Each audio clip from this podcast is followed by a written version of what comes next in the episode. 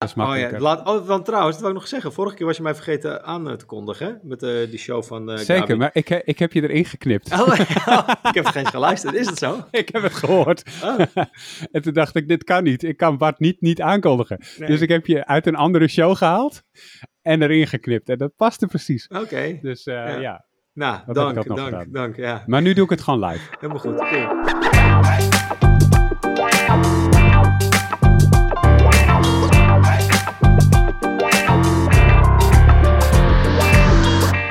Hey, welkom bij een nieuwe aflevering van een podcast over voeding. In deze podcastserie gaan we in op de wetenschap achter voeding en laten we wetenschappers aan het woord over allerlei thema's die met voeding te maken hebben. Bart Mol van I'm Foodie is er natuurlijk ook weer bij. Hoi Bart. Ja, hey, goedemorgen hoor. Eh, fris en fruitig. En inderdaad, we nemen het eigenlijk altijd in de ochtend op. Dus eh, we zijn Daarom altijd zijn we zo fris en fruitig. Ja, zo scherp als een mes, joh. Ondanks die 25 graden of 30 graden die het vandaag weer gaat aantikken. Dus Ja. ik heb er zin in. Ik ben benieuwd hoe, eh, hoe het weer in België is. Waarschijnlijk niet heel veel anders. Maar onze gast van vandaag komt uit België. Het is professor Dr. Lucas van Oudenhoven. En Lucas is psychiater en hoogleraar aan het translationeel onderzoek van gastro-enterologische aandoeningen van de KU Leuven. Zeg ik het zo goed, eh, Lucas? Klopt, ja, dat is inderdaad zo. Ik ben dus psychiater van opleiding, maar ik ben in de gastroenterologie eh, gerold tijdens mijn doctoraat en nooit meer echt vertrokken. Dus eh, ik hoor officieel inderdaad bij eh, de gastroenterologiegroep En, hier. en wat is dan zeg maar het equivalent wat wij zouden hebben in Nederland? Maagdarmleverziekten heten jullie dat, eh, denk Ah, ik. Eh, ja. Oké, ja. cool. En als je denkt, die naam komt me bekend voor, eh, dat kan, want eh, hij werd als gast getipt door eh pijnprofessor Bart Mollion, de uitzending die we een paar weken geleden online hebben gezet. En deze keer gaan we het hebben over de darm en het brein en welke invloed gezonde darmen hebben op je psychische gezondheid, want dat is waar Lucas veel van weet. Maar Lucas, we beginnen waar we altijd beginnen. Heb je iets wat je frustreert in voeding van de afgelopen tijd, wat je met ons wilt delen? Ja, toch wel. Wat mij al langer frustreert en waar ik ook iets probeer aan te doen door goed onderzoek te doen, is dat er ehm, ja, toch wel heel veel berichtgeving is over eh, voeding, darmbacteriën en de hersenen en mentale gezondheid, eh, die te weinig op goed wetenschappelijk onderzoek gebaseerd is. Of die ja, wel ergens losjes gebaseerd is op wetenschappelijk onderzoek, Mhm. bij proefdieren bijvoorbeeld, maar waarbij dan tien stappen worden eh, overgeslagen en men dan meteen eh, gaat berichten dat we dat als mensen ook maar moeten gaan doen om het volgende superfood te gaan eten en allemaal fitter en gelukkiger te worden. Ehm, dus ik vind het enerzijds leuk dat mijn hele onderzoeksdomein, eh, de, de, communicatie tussen de darmen en bacteriën erin en voeding ehm, en de hersenen, dat dat heel hip en hot eh, geworden is. Ehm, maar dat zorgt ook wel altijd voor eh, wat te veel enthousiasme en te optimistische berichtgeving. Ehm, zeker in de populaire media, maar ook zelfs bij, bij wetenschappers. Dus dat is iets eh, wat mij wel stoort. Ehm, en ik probeer wat tegengewicht eh, te vormen door eh, stap voor stap eh, goed onderzoek te proberen doen en daar dan op een genuanceerde manier over te communiceren. Dus daarom ben ik ook blij met de uitnodiging hier. Een paar, paar vragen erover. Ten eerste, heb je een voorbeeld van hoe het dan misgaat? Wat voor onderzoek is er dan gedaan en op wat voor manier komt dat dan in, in media terecht? Ja, een, klassiek voorbeeld is iets, en zo zijn er eigenlijk wel veel, iets wat ik al daarnet eh eh aanhaalde. Eh, elk jaar is er wel ergens een nieuw soort superfood dat goed zal zijn voor concentratie of voor eh, andere, eh, ja, mentaal welzijn, tegen stress enzovoort. Eh, en dat is soms helemaal nergens op gebaseerd. Dat is soms gebaseerd op proefdieronderzoek.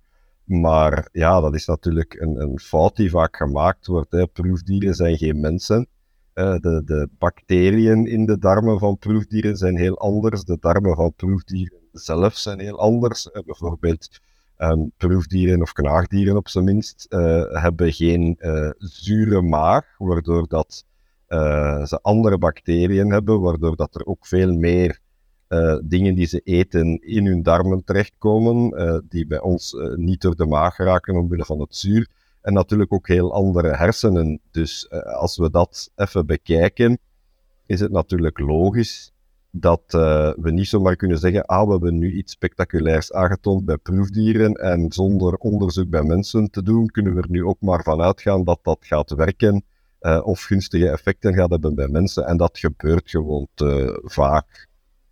En, en als je met een genuanceerd verhaal aankomt bij media, heb je dan het idee dat je gehoor krijgt, dat ze dat ook willen opschrijven of uitzenden, of helemaal niet? Toch wel, hè, toch wel. Uh, ja, ik sta daar ook altijd wel op natuurlijk. Hè. Als ik dingen nalees, interviews en dergelijke, uh, dat er genoeg nuance in zit. In dit soort formats, uh, podcasts en, en, gelijkaardige formats, uh, is dat eigenlijk doorgaans weinig een probleem, want dan spreek ik gewoon en dan kan ik het gewoon allemaal wel uitleggen en proberen te nuanceren bij interviews die dan worden uitgeschreven, ja, moet ik soms toch wel een beetje gas, uh, gas terugnemen en, en, corrigeren en zeggen van kijk, dit is niet hoe dat ik het bedoelde. Uh, dit moet genuanceerder, dit moet voorzichtiger. En ik snap natuurlijk dat de media dat misschien altijd niet zo leuk vinden, maar ik vind het wel mijn taak als wetenschapper om, om voorzichtig en genuanceerd te zijn over mijn onderzoeksdomein. Hè. En ook, ook omwille van het feit, um, ja, dat natuurlijk, ik wil mensen niet het gevoel geven van dit is nu ineens een wonderoplossing voor al uh, jullie uh, problemen. Hè. Uh, het is een veelbelovend onderzoeksdomein en ik denk wel dat we op termijn via deze weg nieuwe tools gaan hebben om de gezondheid van de hersenen, psychologische gezondheid te gaan beïnvloeden of ondersteunen. Um, maar om op dit moment nu te stellen dat dat al tot uh, wonderoplossingen heeft geleid, uh, dat is gewoon niet zo en, en te vroeg. Uh, dus ik ga altijd blijven pleiten voor meer en beter onderzoek. Hè, want het onderzoek in dit domein, zeker bij mensen, is ook nog niet altijd van de beste kwaliteit. onder andere omwille van het feit dat dit natuurlijk heel complex interdisciplinair onderzoek is. Um, ja, wij, wij moeten uh, microbiologie, gastroenterologie, uh, psychologie, neuroscience, um, allemaal proberen te integreren. En dat is teamwerk, maar dat is natuurlijk allemaal heel complex. Hè. De hersenen alleen zijn complex. Nogal. De bacteriën in onze darmen alleen zijn complex. Mm -hmm. Laat staan die dan allemaal proberen samen te bestuderen en daar verbanden gaan in te zoeken. Dus dat is niet eenvoudig. Um, maar we doen ons best uh, als wetenschappers. En natuurlijk, we kunnen mensen niet houden als proefdieren. Dat zou uh, ethisch niet verantwoord zijn. Dus we kunnen niet alle factoren uitsluiten, lijkt me. Juist, absoluut. Hè. Dat is natuurlijk inderdaad bij proefdieren. Um, kan er meer ethisch gezien qua uh, manipulaties en controleren van allerlei factoren. Bij mensen kan dat, maar natuurlijk tot op zekere hoogte. Hè. er zijn natuurlijk wel dingen die we bij mensen kunnen doen. Hè. Mhm. Voedingsinterventies, uh, allerlei andere soorten interventies die uh, ja, proberen de bacteriën in uh, onze darmen te manipuleren. We hebben wel best wat mogelijkheden om bij mensen dit soort onderzoek te doen, maar natuurlijk in, in beperktere mate dan bij proefdieren, ja. wat ervoor zorgt dat er altijd heel wat factoren gaan zijn die ja, mogelijk een rol spelen die we minder gemakkelijk kunnen gaan controleren dan in een proefdierexperiment. En um, de eerste centrale vraag is eigenlijk een beetje, als we, als we naar het gewone hoofdonderwerp gaan. We voelen allemaal denk ik wel dat wat we eten en hoe onze buik is, dat dat invloed heeft op ons hoofd en omgekeerd. Uh, maar hoe zit die relatie precies? Hoe zijn die verbonden? Ja, dus die zijn heel sterk verbonden. Um, dus dat, dan gaat het over wat we de, in het Engels de microbiota gut-brain axis noemen. Hè? Dus de, de microbiota uh, darm-hersen, als in het Nederlands, maar dat klinkt niet zo geweldig. um, wat zijn die microbiota? De microbiota is eigenlijk de verzameling van de miljarden bacteriën in ons maag-darmstelsel. Vooral in de dikke darm uh, zitten die. En die doen van alles met onze voeding uh, die daar terechtkomt, hè, onverteerde voeding die daar terechtkomt. Dat is één ding. Dan is er uh, het maagdarmstelsel zelf, wat zeer complex is. Hè. Daar zitten uh, aan de binnenkant allerlei cellen die voelen wat er aan de gang is, wat voor stoffen we hebben gegeten, wat voor stoffen die bacteriën produceren enzovoort. En dan gaan die cellen via het zenuwstelsel bijvoorbeeld, gaan signalen sturen naar de hersenen, zodanig dat de hersenen op de hoogte blijven van wat we gegeten hebben en wat er in ons maag-darmstelsel aan de hand is. Ook als daar uh, ja, abnormale dingen aan de hand zijn, zoals ontsteking, dan gaan de hersenen dat heel snel gaan voelen via die zenuwen in het maag-darmstelsel en dan de verbinding uh, daarvan uh, met de hersenen. Maar veel van die stoffen die worden geproduceerd, worden ook in meer of mindere mate uh, opgenomen in de bloedbaan. En dat is ook weer een manier uh, waarop die de hersenen kunnen bereiken. Hè. Dus die microbiota gut-brain axis is eigenlijk een, een complex communicatiesysteem in de twee richtingen tussen het maag-darmstelsel, inclusief de uh, bacteriën daarin, en de hersenen via zenuwen, maar ook via hormonen, ontstekingsstoffen um, en, en andere uh, chemische stoffen in de bloedbaan. Maar hoe zou het bijvoorbeeld uh, zijn als je diarree hebt? Dan, uh, dan ontstaat dat in je dikke darm of is, is dat al je endeldarm? En dan gaat dat binnen een paar milliseconden naar je hersenen toe van... Oké, okay, ik heb diarree, dus je moet nu snel naar de wc. Ja, te, ja, dat is natuurlijk op zich is dat een, een, een vrij normaal fenomeen. Hè. We voelen natuurlijk wanneer we naar het toilet moeten. Dat is een fenomeen dat... dat Jawel, maar ik bedoel, of heeft, of heeft je darmen eerst al tien minuten eerder dat seintje al doorgestuurd naar je hersenen en dat het tien minuten later pas zeg maar aankomt en dat je dan dus naar de wc... Of nee, dat een soort van... Als het echt gaat als het echt gaat over naar, naar het toilet gaan, dat gaat heel snel. Dan moeten we snel voelen, anders uh, ontstaan er allerlei problemen. Hè. Ook in normale omstandigheden zonder diarree. Maar natuurlijk, als er iets begint fout te gaan, hangt er ook een beetje vanaf uh, hoe dat, dat komt. Hè. Stel nu, we hebben iets bedorven gegeten en we krijgen een uh, maag-darminfectie. Wel, dat bouwt zich op. Hè. En dan gaan we eerst wel iets beginnen voelen van oei, ja, ik krijg precies wat krampen of rommelen in mijn buik of dat soort dingen. Um, uh, dat, dat begint geleidelijk aan, maar als dat natuurlijk toeneemt, zeker bij ontsteking, ja, dan gaan de hersenen dat beginnen signaleren en dan gaan we allerlei dingen beginnen voelen. Um, uh, natuurlijk, anders dan bij pijn, hè, als we ons pijn doen aan de hand, ja, dan, dan moeten we onmiddellijk onze hand terugtrekken of zo. Uh, als we zoiets voelen in onze buik, ja, we kunnen niet zo heel veel doen natuurlijk. Buiten naar het toilet gaan, in sommige gevallen um, overgeven, maar dat is het dan ook wel. Maar ik, ik vind het op zich wel een grappig fenomeen, want ik heb ook ter voorbereiding van deze show, heb ik het ook met een aantal mensen over gehad, dat als je een keer iets verkeerd hebt gegeten, is bij de een reageert het lichaam, die gaat gelijk al, uh, of eerder beginnen met overgeven, en bij de andere persoon gaat het eerst helemaal door het systeem heen, en die wordt, die wordt bijvoorbeeld s'nachts wakker van maagkrampen en heeft vervolgens diarree dat vind ik op zich een heel grappig fenomeen. Dat de een dus al, dat het lichaam al ja, het afstoot of al gelijk denkt, hé, hey, ik vind het niet relaxed. Ja, ja, dat, dat is ook zo. Hè. Er zijn in al die dingen heel veel verschillen tussen mensen, afhankelijk van verschillen in ja, hoe, hoe ons maag-darmsysteem werkt. Uh, dat is ook niet bij iedereen uh, hetzelfde. Hè. Sommige mensen hebben gevoeligere darmen dan anderen. Um, er zijn ook grote verschillen tussen mensen in de samenstelling en de functie van die bacteriën in de darm. En een van de functies van die, want die hebben heel veel nuttige functies, die bacteriën, is het, het beschermen tegen slechte bacteriën, die we natuurlijk heel de tijd wel in meer of mindere mate binnenkrijgen.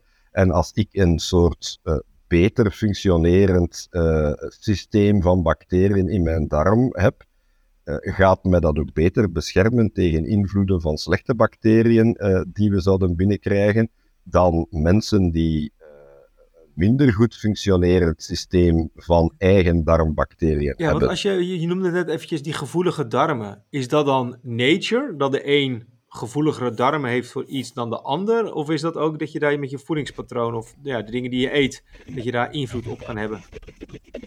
Oh, de beide. Hè. Er zijn zeker veel uh, verschillen die te maken hebben met um, genetica bijvoorbeeld, hè, met een soort voorbeschiktheid, uh, maar ook met dingen die we uh, tegenkomen in ons leven. Hè. Bijvoorbeeld, we weten dat ja, bij een aantal mensen met prikkelbare darmsyndroom, want dat is dan natuurlijk een van de aandoeningen uh, die gelinkt zijn aan gevoeligere darmen, dat dat in een aantal van die mensen begint dat eigenlijk na een ernstige infectie. Hè. Die gaan op reis en die krijgen een salmonella of campylobacter of een van die andere vieze uh, infecties. Uh, daar worden we allemaal wel een paar dagen flink ziek van. moeten we al dan niet antibiotica voor nemen, maar bij de meeste mensen gaat dat dan over. Um, bij sommige mensen verdwijnt die infectie wel, maar houden die daar gevoeligere darmen aan over. Um, dus dat speelt ook een rol. En, en voeding speelt zeker ook een rol. Hè. We weten dat uh, bepaalde soorten uh, voeding, en dan heb ik het vooral over verzadigde vetten, te veel rood vlees enzovoort enzoverder, um, te weinig fruit en groente, dat die uh, ja, een negatieve invloed kunnen hebben in de zin dat die de, de barrière die onze darmwand vormt, kunnen minder sterk maken, kunnen aantasten. En dat is natuurlijk ook weer dat die ook een negatief effect gaan hebben op de, de functie van die bacteriën in onze darm. En die twee dingen in combinatie met elkaar maakt dat we ja, wat vatbaarder zijn voor um, uh, allerlei negatieve dingen die binnenkomen, die dan gemakkelijker uh, in het systeem geraken, omdat die barrière minder goed werkt, omdat die bacteriën ons minder goed kunnen verdedigen. Um, en dan worden mensen, krijgen mensen gemakkelijker klachten. En ik wil ook nog even eh, terug naar die lijn tussen ons, uh, ons, onze buik en ons hoofd. Vat ik het maar even samen zonder dure termen. Um, we hebben nu een paar voorbeelden gehad van dingen die onze buik laten weten aan ons hoofd. Maar gebeurt het ook veel omgekeerd? Absoluut, dat is een heel goede vraag. Hè. Dus ik had er al uh, kort even uh, uh, iets over gezegd, hè, dat het een systeem is dat in de beide richtingen ja. werkt. Dus die lijn, dat is inderdaad goed samengevat, uh, die werkt in beide richtingen. Hè. Ehm, en initieel, en nog altijd voor een stuk, ging mijn onderzoek vooral over de richting van het hoofd naar de buik. Um, de laatste jaren is er ook heel veel, veel meer eigenlijk nu te doen over de omgekeerde richting. Maar een goed voorbeeld van uh, de, de richting hoofd naar buik is invloed van stress uh, op ons uh, maag-darmstelsel. Veel mensen hebben daar wel ervaring mee als ze gestresseerd zijn, dat ze misschien sneller naar het toilet moeten, zich wel misselijk voelen. Dat is een vaak voorkomend fenomeen, tot op zekere hoogte normaal. Bij sommige mensen is, ja, leidt dat echt wel tot klachten en tot problemen. Um, maar dat is een, een, fenomeen dat eigenlijk normaal is. Wat gebeurt er als we stress ervaren? Dan, dan activeren onze hersenen allerlei systemen, hormonale systemen en, en zenuwen opnieuw. En die gaan invloed hebben op ons maag-darmstelsel. Die gaan invloed hebben op het uh, samentrekken, uh, bewegen van de darmen. Hè, want die moeten natuurlijk voedsel vooruit duwen, dus die moeten bewegen. Maar dat kan ervoor zorgen dat die sterker gaan samentrekken, wat kan leiden tot krampen, wat kan leiden tot uh, diarree enzovoort. Hè. En iets anders wat we weten is ook opnieuw die die functie van die barrière waar ik het daarnet over had, hè, kan ook worden beïnvloed door stress. Um, uh, mijn collega hier, uh, Tim van Uitsel, en, en ikzelf ook, um, doen daar ook onderzoek over uh, hoe stress eigenlijk die, die barrière gaat wat meer doorlaatbaar maken en ons daardoor wat vatbaarder kan maken voor negatieve invloeden van, van ja, slechte dingen die, in, die we allemaal de hele tijd wel innemen. Hè. Um, de, ons ons maag-darmstelsel is echt een barrière met de buitenwereld. En de goede dingen moeten erin geraken en de slechte moeten eruit blijven. Maar dat is een, een, een evenwicht dat niet zo evident is en dat stress bijvoorbeeld kan gaan verstoren. Even heel kort over stress. Wat is daar een beetje de korte ja, wetenschappelijke definitie van? Want uh, de ene kan twintig projecten hebben en die uh, ervaart geen stress. En die andere kan misschien één project hebben en die kan daar al heel erg uh, stressreacties of uiten. Ja, dus dat gaat over interindividuele gevoeligheid aan stress. Mensen, de ene mens is veel stressgevoeliger dan de andere. Hè. Maar er zijn verschillende definities van stress. Hè, maar stress um, wordt, kunnen we eigenlijk in simpele termen omschrijven als elke bedreiging of mogelijke waargenomen bedreiging uh, voor ons organisme. Um, dat, uh, dat kan psychologisch zijn, dat kan fysiek zijn. Maar hoe inderdaad, uh, als we mensen blootstellen aan gelijkaardige stressoren, stressvolle omstandigheden, dan zal uh, de ene persoon veel sterker daarop reageren dan de andere. Dus we weten dat er mensen zijn die zeer stressgevoelig zijn en die zijn kwetsbaarder voor psychische aandoeningen, angstklachten, depressieve klachten, maar ook voor lichamelijke aandoeningen, zeker maag-darmklachten. En anderzijds hebben we mensen die eigenlijk heel stressbestendig zijn. Hè. Dat heet dan resilience, uh, met een wetenschappelijke Engelse term. En het is zo dat ja, het onderzoek heeft heel lang gefocust op, op het negatieve, hè, van, van wat maakt mensen stressgevoelig. Er is nu ook wel meer onderzoek dat gaat kijken naar wat maakt mensen wat uh, uh, ja, beter bestand tegen stress. Hè, of, wat zijn dingen die mensen uh, meer resilient kunnen maken. Maar feit is, mensen reageren heel verschillend op, op stress. En, en die verschillen zorgen er ook voor dat er verschillen zijn in gevoeligheid voor lichamelijke, maagdarm en, en psychologische klachten. Maar waarom reageert sturen de hersenen een seintje naar de buik van we moeten nu misselijk zijn of we moeten nu sterk de darmen samentrekken. Waarom is dat zo? Wat is het voordeel daarvan voor het lichaam? Dat is een goede vraag. Hè. Uh, natuurlijk, stress is een goede respons, want waarvoor dient de stressrespons in principe, als we dat evolutionair gaan bekijken, um, om in acute omstandigheden, als we geconfronteerd werden met vijanden, mensen, dieren, noem maar op, om te kunnen vechten en of vluchten. Hè. Dus om e-, energie te mobiliseren om ons daar te kunnen gaan tegen verzetten. Natuurlijk, um, dus dat gaat eigenlijk prioriteit geven aan uh, ja, de systemen in ons lichaam die ervoor zorgen dat we kunnen vechten en vluchten. Hè. Dat zijn dan vooral uh, spieren en, en, en eh, cardiovasculair systemen, hart, bloedvaten, mobiliseren van energie. Een beetje ten koste van het maag-darmstelsel wat we op dat moment niet nodig hebben. Het is natuurlijk ook zo, de huidige omstandigheden zijn heel anders. Hè. Stress is iets heel anders dan hetgeen waarvoor ons stresssysteem evolutionair gezien ontworpen is. Nu hebben we veel meer te maken met een soort chronische psychologische stress hè, dan de meer acute fysieke stressoren van vroeger.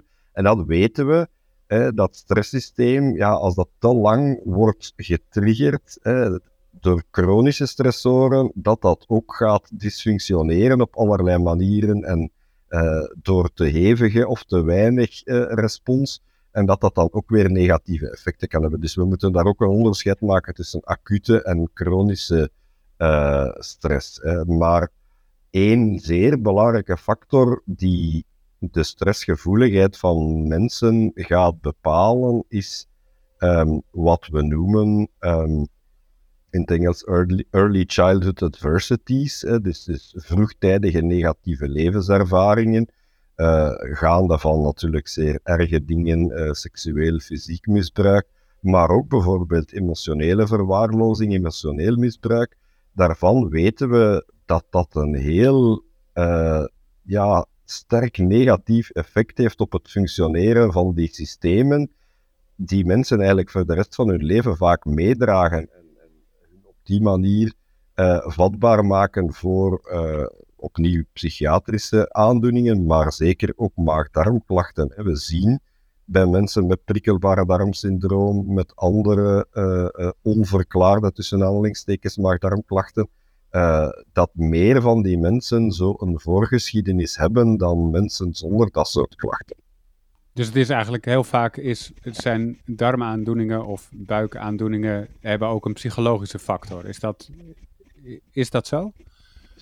Dat is zo, um, maar niet op een simplistische manier. Nee. Hè. Dat is misschien een van mijn andere frustraties. Uh, daar wordt nogal simplistisch over gedacht. vaak, ook nog binnen het medisch systeem, tot mijn frustratie. Ehm, in de zin van, oké, mensen gaan naar de dokter en, en jullie en de luisteraars moeten weten dat als iemand met maag-darmklachten naar de dokter gaat, dan gaat daar in de overgrote van meerderheid, wel overgrote niet, maar in de meerderheid van de gevallen, um, gaat daar geen duidelijke oorzaak worden gevonden voor die klachten. Zeker bij jongere mensen. Um, dus ja, we zitten met een, een hele groep mensen die zogezegd onverklaarde klachten hebben prikkelbare darmsyndroom enzovoort. Ja, precies. Dat, maar dat uh, wil ik zeggen. Eigenlijk is de prikkelbare darmsyndroom is dat eigenlijk een soort van overkoepelende term van we weten het eigenlijk allemaal niet. Dan als je niks hebt, of dan al andere dingen worden uitgesloten, dan heb je dat uiteindelijk. Of is het meer gewoon eigenlijk een vergaarbak met allemaal verschillende oorzaken? Het is wel een vergaarbak met allemaal verschillende oorzaken, ongetwijfeld. Maar het is natuurlijk wel een diagnose die gebaseerd wordt op een aantal symptoomcriteria. Hè. Dus mensen moeten voldoen aan een aantal criteria, buikpijn die samenhangt met veranderingen in stoelgang qua frequentie, qua vorm gedurende een bepaalde tijd. Daar zijn wel internationaal vastgelegde criteria voor. Hè. Net als voor angststoornissen, depressie, dat diagnosticeren we ook op basis van symptoomcriteria. Maar natuurlijk, dat wil zeggen dat we de oorzaken niet noodzakelijk kennen. En we weten wel dat mensen met bepaalde van die aandoeningen, ja, dat daar mensen dezelfde soorten symptomen kunnen hebben, maar verschillende oorzaken voor die symptomen. Dus in die zin is het wel wat, wat vergaarbak klinkt negatief, maar het is, het is een, een duidelijke diagnose die ook moet gesteld worden, maar die niet inhoudt dat we de oorzaak kennen of dat die oorzaak voor iedereen hetzelfde is. Wat niet wegneemt dat we wel degelijk daar allerlei dingen kunnen aan doen. Hè. Er zijn heel wat behandelingen uh, die, uh, die bij op zijn minst een subgroep van de patiënten helpt. En dat kunnen behandelingen zijn die vooral uh, ingrijpen ter hoogte van het maag-darmstelsel, maar ook behandelingen die vooral ingrijpen ter hoogte van de hersenen, of de communicatie tussen die twee. Dus dat soort aandoeningen noemen we nu officieel disorders of gut-brain interaction, dus stoornissen van de interactie tussen uh, het, uh, de darmen en de hersenen. En dat is goed samengevat. vroeger werd er nogal eens gedacht van, ah ja, dat is allemaal stress en, en de oorzaak is stress en dat, dat slaat op het lichaam. omgekeerd wordt soms gedacht, we vinden geen duidelijke oorzaak, dus het zal wel stress zijn. Ja, dat klopt ook niet per se. En dus dat soort simplistische redeneringen moeten we vanaf. Maar het is zo, ja, dat net als dat communicatiesysteem in de twee richtingen, dat psychologische klachten en maag-darmklachten elkaar ook in beide richtingen beïnvloeden. Hè. Uh, uh, iemand die gestresseerd is, zoals ik al zei, uh, gaat daarvan impact kunnen ondervinden op het maag-darmstelsel, wat tot symptomen kan leiden. Anderzijds, iemand die de hele tijd buikpijn heeft, ja, gaat zich ook vaak somberder voelen, gaat angst hebben voor misschien de volgende uh, aanval uh, van buikpijn. Um, dus het werkt ook in die richting. Hè. Het is een genuanceerd verhaal van, van de beide richtingen. Maar dat maakt wel dat we de twee kanten van dat verhaal moeten bekijken en vaak ook samen moeten gaan behandelen. En, want we hebben het nu gehad over aandoeningen en ziektes, maar werkt het ook omgekeerd? Kan ik mezelf, ik ga weer een heel simplistische vraag stellen, vind ik leuk. Kan ik mezelf gelukkiger eten? Ja, dat is een vraag die ik wil vaker krijgen. Dat is natuurlijk een, een, een goede vraag. Ik denk dat we daar eerst en vooral een onderscheid moeten maken tussen acute effecten en chronische effecten. En, en de evolutie gaat daar ook weer een rol in spelen, zeker als het gaat over de acute effecten. Um, wij zijn natuurlijk gemaakt om um, ja, gemotiveerd te blijven om voedsel te gaan zoeken in uh, uh, de tijden, uh, evolutionaire tijden lang geleden. Dus mensen ja, um, hebben een, een respons ontwikkeld op voeding, zeker calorierijke voeding, suikerrijke voeding, van ha, dat is dat bezorgt ons plezier en genot. Ja. Dus suikerrijke, vetrijke voeding eten. En we zijn ook gemaakt, die, die voeding was toen schaars, dus we zijn ook gemaakt om daar zoveel mogelijk energie uit te gebruiken en te gaan opslaan. Nu werkt dat natuurlijk tegen ons, want er is continu overal van dat soort voeding aanwezig en die een aangeboren respons bijna um, van, van plezier. Als we dat soort voedsel eten, zorgt nu natuurlijk ervoor dat veel mensen veel te veel eten, obesitas en voort en, uh, en zo verder. En natuurlijk, dat heeft te maken met smaak. Hè. We hebben geleerd om die smaken te herkennen en om die te associëren met calorieën en op die manier uh, een soort genotsrespons in de hersenen op te wekken. Maar wij doen onderzoek over hoe eigenlijk ook, um, uh, zelfs als we bijvoorbeeld calorierijke uh, suikers, vetten gaan toedienen, in de maag of in het begin van de dunne darm. Dus mensen proeven niks, weten helemaal niet wat ze krijgen. Uh, dan krijgen we daar een aantal van die responsen die ik daarnet al zei. Onze maag en darmen voelen, ah, hier uh, uh, zitten calorieën in. Dat gaat een aantal hormonen vrijstellen, zenuwen activeren.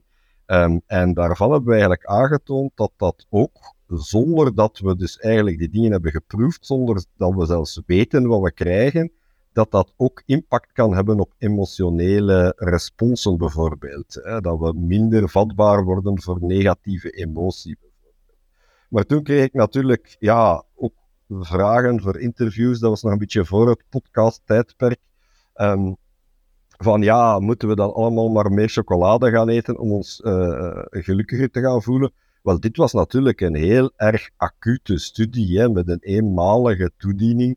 Um, als we op lange termijn gaan kijken en als we op lange termijn te veel vetrijke, suikerrijke voeding, te veel rood vlees gaan eten, dan krijgen we andere effecten. Hè? Dan krijgen we negatieve effecten op die bacteriën, dan krijgen we negatieve effecten op die barrière uh, van de darm, dan krijgen we wat toegenomen uh, ontstekingsprocessen en daar is nu heel veel uh, in het onderzoek, ook mijn eigen onderzoek, um, over gaande. Dat die ontstekingsprocessen in ons lichaam, in het maag-darmstelsel, maar ook in het bloed, en dat is geen hevige ontsteking, dat is beperkter, um, maar dat die ook invloed kunnen hebben op de hersenen en, en zelfs uh, in de hersenen een belangrijke rol kunnen gaan spelen bij het ontstaan van um, depressie, vermoeidheidsklachten enzovoort. Dus op korte termijn krijgen we een, een plezierrespons van die suiker- en vetrijke voeding, maar op wat langere termijn um, werkt dat juist negatief op onze lichamelijke en geestelijke gezondheid, want die hangen natuurlijk heel erg aan elkaar. Um, keerzijde van de medaille, dingen die op lange termijn gunstige effecten hebben op al die processen, zijn meer de gezonde, de dingen die gekend zijn als gezonde voeding. Hè. En, uh, fruit, groenten, daar zitten veel vezels in. Wat zijn vezels? Um, complexe suikers eigenlijk, uh, die we zelf niet kunnen verteren, komen in onze dikke darm terecht, waar bacteriën uh, daar eigenlijk gaan hun ding mee doen. Hè. Dat is voedsel voor onze goede bacteriën. En die gaan dan weer stoffen produceren die die barrière versterken, die inflammatie onderdrukken. En op die manier weer gunstige effecten. Maar daarin vind ik het wel echt opmerkelijk dat als ik zeg maar s'avonds op de bank zit en ik eh, denk bijvoorbeeld aan een lekkere reep chocola, dan ben ik echt al bijna aan het watertanden. Dan denk ik, oh, kies ik voor, voor, die, uh, voor de chocola of voor de chips. Ja. Maar als ik dan gelijk denk aan een paprika, nou dan, uh, dan stop ik met watertanden. Dus ja, ja, ja. is dat nature, is dat nurture? Ik vind het wel een fascinerend ding. Dat, of ja. Zoals bijna altijd is het beide, maar toch een heel groot stuk nature in dit geval. Hè. Die hele evolutionaire geschiedenis. chocola, die smaak, om, en, en, en dat is zo gegroeid omwille van het feit dat daar veel calorieën in zitten, hè, wat vroeger belangrijk was. Um, die smaak, textuur van vette, suikerrijke voeding is zodanig, triggert zodanig die genotsrespons in onze hersenen, Um, uh, op onmiddellijke termijn, uh, dat is ook natuurlijk, dat gaat dan over leereffecten. Ja, als je iets eet en je krijgt onmiddellijk een genotsrespons, ja, dan leert je van wauw, dat is lekker, ik wil dat opnieuw eten. Natuurlijk, als je iets eet wat misschien minder lekker of minder onmiddellijk een genotsrespons gaat genereren, hè, wat met groenten en, en, en zo zeker het geval kan zijn. Maar op veel lange termijn werkt, ja, we leren die, die, dat verband niet, hè, dat, omdat dat juist een hele tijd nodig heeft om op langere termijn gunstige effecten te gaan hebben. Maar we, we leggen die associatie niet juist omwille van het feit dat dat onmiddellijk effect er niet is. Uh, en dat zijn zeker ja, dingen die echt nature-evolutie zijn, maar natuurlijk ook wel een beetje persoonlijke leergeschiedenis. Hè. Kinderen die nooit van dat soort dingen hebben gekregen, van chocolade enzovoort, ja, die gaan dat misschien ook wel minder, uh, minder hebben. Um, maar ja, ik zou zeggen, toch zeker voor een groot stuk nature.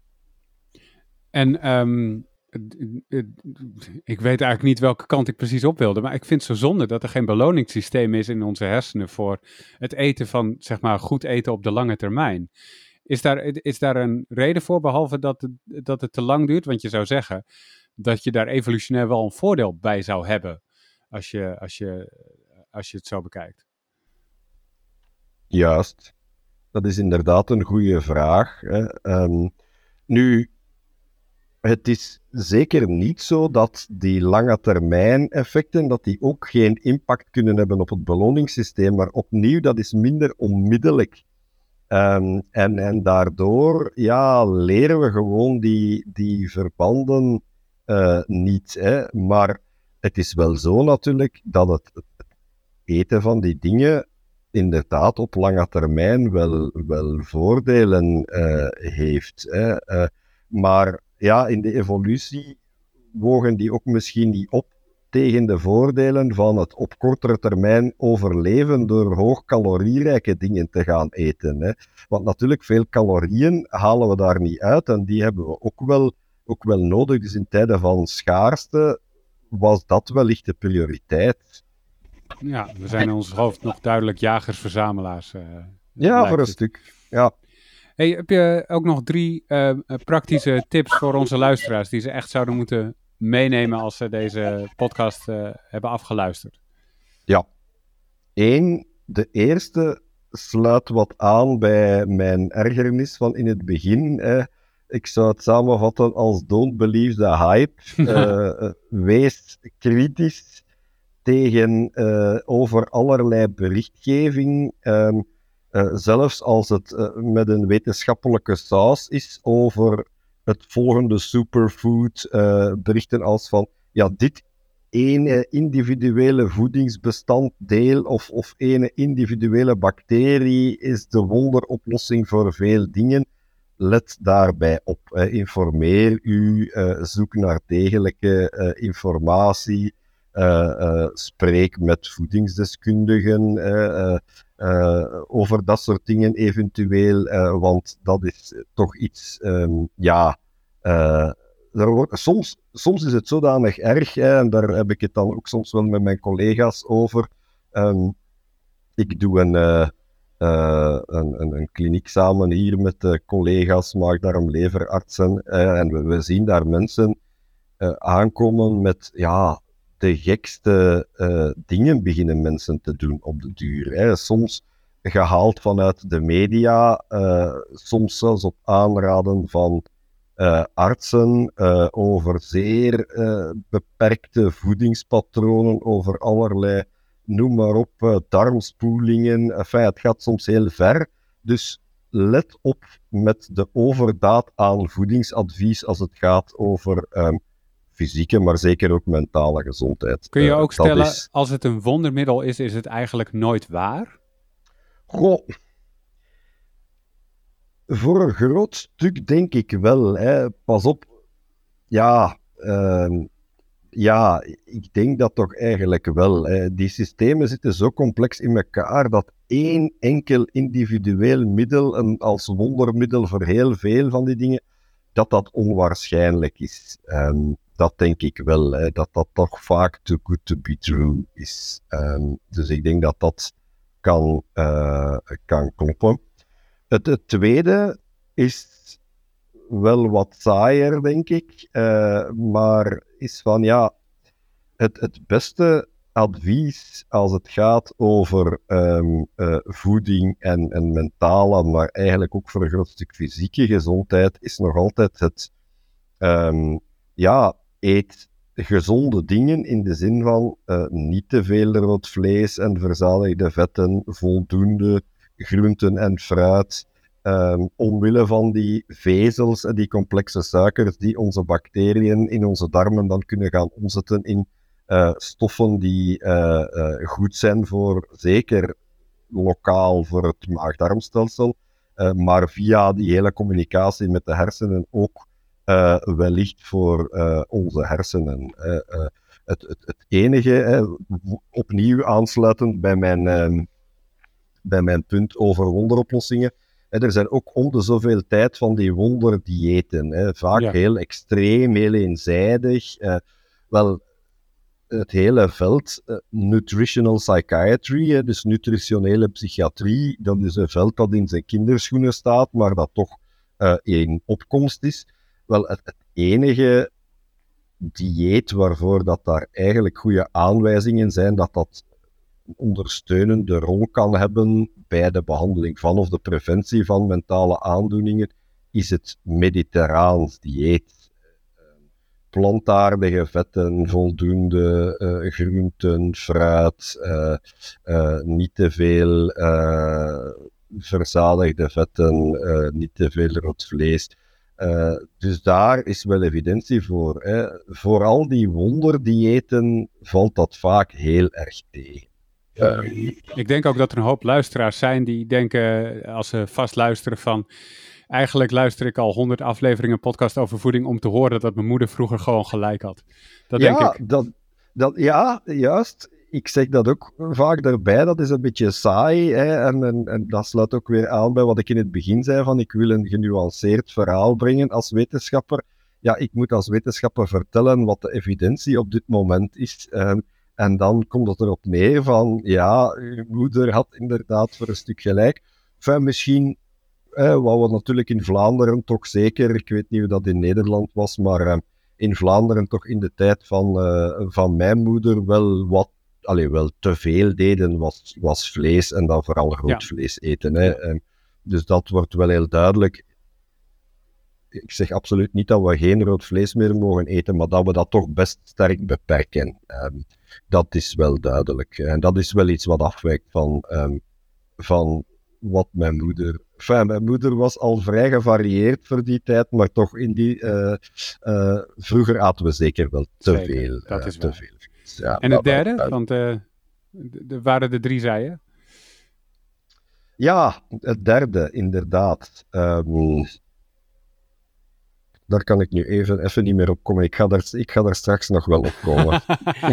dat heb ik ook wel. Nou, dan eindigen we gewoon of je nog uh, tips hebt voor nieuwe gasten die we kunnen vragen, Lucas.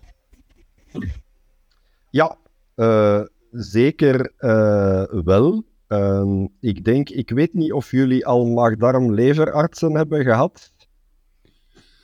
Uh, die veel nee. over voeding uh, weten. Nee. Uh, dat zo niet, um, kan ik mijn collega Tim van Uitsel hier van harte aanbevelen. Tim is um, maag-darm-leverarts en, en doet ook onderzoek over uh, onder andere uh, voeding um, en maag-darmklachten. Enerzijds onverklaarde maagklachten, dat is zo wat het broertje van prikkelbare darmsyndroom, dat heet dan functionele dyspepsie. Maar anderzijds ook mensen met uh, darmfalen, mensen die echt soms ook darmtransplantaties nodig hebben, uh, uh, moeten gevoed worden uh, via allerlei andere wegen. En ik denk dat dat ook wel een boeiend, een boeiend verhaal is. Um, heeft ook veel ervaring met zo van die verhalen als ik daarnet bra bracht, hè, van mensen die heel restrictief gaan eten en daardoor dan allerlei problemen gaan ontwikkelen. Um, dus Tim is, is als maag-darm-leverarts Ehm, wel iemand die veel met voeding bezig is en daar veel interessante dingen over te vertellen heeft. Ja. Ehm, Hij staat, ge- hij- Als- hij staat genoteerd, inderdaad. ja, perfect. Ehm, dan twee is een andere collega van mij hier eh, aan de KU Leuven, eh, Jeroen Raas. Eh, als jullie alles willen weten over de darmbacteriën specifiek ehm, en, en hoe voeding en die bacteriën met elkaar interageren en hoe dat onze eh, gezondheid eh, kan beïnvloeden, dan is eh, Jeroen is, is een toponderzoeker als het gaat over die darmbacteriën. Heeft een aantal van de vroegere, eerder, allee, van de, de eerste studies mee uitgevoerd ehm, en kan daar heel veel eh, interessante, interessante dingen eh, gaan, eh, gaan over vertellen. Yes. Hey Bart, heb jij tot slot van deze aflevering vanuit I'm a Foodie nog dingen die je wilt toevoegen? Eh, vriend van de show.nl slash pof. Maar zoals je misschien hoort, eh, zijn de buren net begonnen met eh, boren. Dus eh, ik denk iets van eh gehoorbescherming, dat we dat maar even moeten halen. Maar ik hou het even kort. Gehoorbescherming merchandise, dat zou ook inderdaad een idee zijn voor, eh voor eh I'm a Foodie. Dan wil ik nog even zeggen, eh, is deze show interessant of ken je mensen die met maag-darmklachten te maken hebben waarvan je denkt, die moeten deze show ook echt horen? Vergeet het niet even door te sturen, helpt hun en helpt ons natuurlijk ook. Dus iedereen wint, hartstikke mooi. En als je sterretjes kan geven in je podcast hebt, doe dat dan ook. Dat helpt anderen ook weer ons te vinden. En, en zo luisteren steeds meer mensen en dat geeft ons ook gewoon meer prikkel om eh, deze shows nog veel meer te maken, zoals je merkt. Ehm, dan rest mij om jullie te bedanken. Dankjewel Bart. Yes, zeker. Dat was meer waar genoeg, Arnoud. Tot de volgende pofshow. Yes, en dankjewel Lucas. Graag gedaan. Bedankt voor de uitnodiging. Jij dankjewel voor het luisteren en tot de volgende keer. Later.